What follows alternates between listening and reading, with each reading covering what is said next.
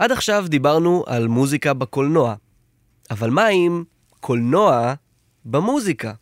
אוקיי, אני מודה, זה נשמע קצת מוזר. קולנוע במוזיקה? מה זה אומר בכלל? בקולנוע יש מוזיקה, במוזיקה אין קולנוע. אז זהו, ש... השנה היא 1968. המרוץ לחלל בעיצומו, האובססיה לחלל ולמדע בדיוני מתחילה לתפוס תאוצה בספרות, במוזיקה ובקולנוע.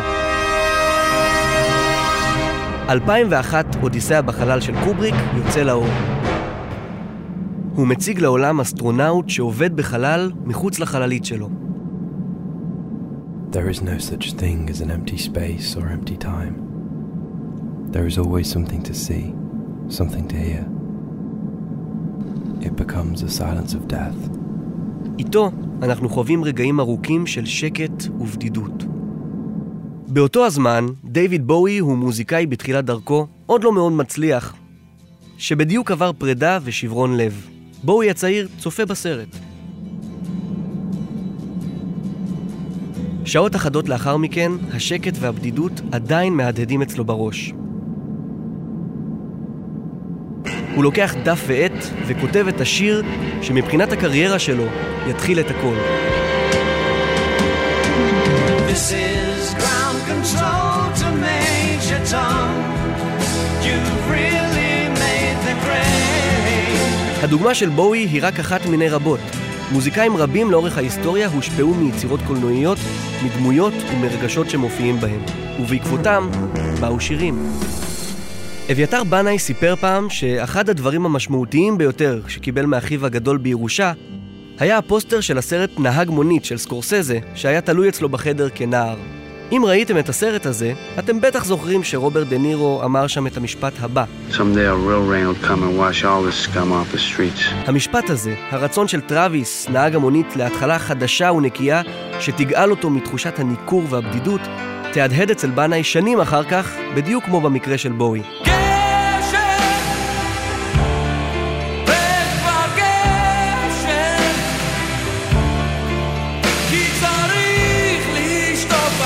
והוא אגב לא היחידי שהושפע מהסרט הזה.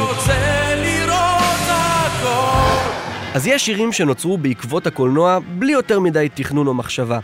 הם נעשו בספונטניות ולא ממש מאזכרים באופן ישיר את היצירות. אבל יש גם אלבומים שלמים שנוצרו בהשפעת הקולנוע, וזה כבר ברור לכולם. ג'יי זי למשל מצא את עצמו בהקרנה מוקדמת של הסרט אמריקן גנגסטר של רידלי סקוט, ומיד נדלק אצלו הניצוץ. הוא קיבל עותק של הסרט, נכנס לאולפן שלו והפעיל אותו בתוך תא ההקלטות. צפה בסצנה, התחיל לכתוב. הריץ אחורה, המשיך לכתוב. ככה הוא יצר אלבום שלם של מוזיקה שמושפעת באופן הכי ישיר שאפשר מסרט. בשילוב של החוויות של ג'ייזי עצמו. אפילו הסגנון המוזיקלי הושפע מהמוזיקה בסרט, פאנק ונשמה משנות ה-70. יש יותר קולנוע במוזיקה מזה? כל זה נחמד, אבל כשאומרים קולנוע במוזיקה, אנחנו רוצים גם לראות קצת קולנוע. אתם יורדים לסוף דעתי? קליפים. בדרך כלל הם באים לשרת את השיר ולתת לו קצת זמן אוויר ב-MTV, אם נזכרים בתקופה שבה הכל התחיל. אבל לפעמים, לצד כל אלה, הם גם מהווים סוג של יצירה קולנועית קטנה בפני עצמה. קולנוע במוזיקה.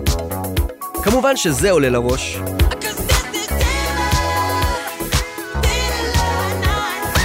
אחד הקליפים הכי מושקעים, יקרים, אייקוניים ופורצי דרך בהיסטוריה. מייקל החלוץ רצה ליצור מוצר נלווה לשיר שיהיה ממש כמו סרט קצר. הוא הושפע באופן ישיר מכמה סרטי אימה ומותחנים, כמו ליל המתים החיים, ואפילו שכר את הבמאי של הסרט זאב אמריקאי בלונדון שיכתוב איתו ויביים.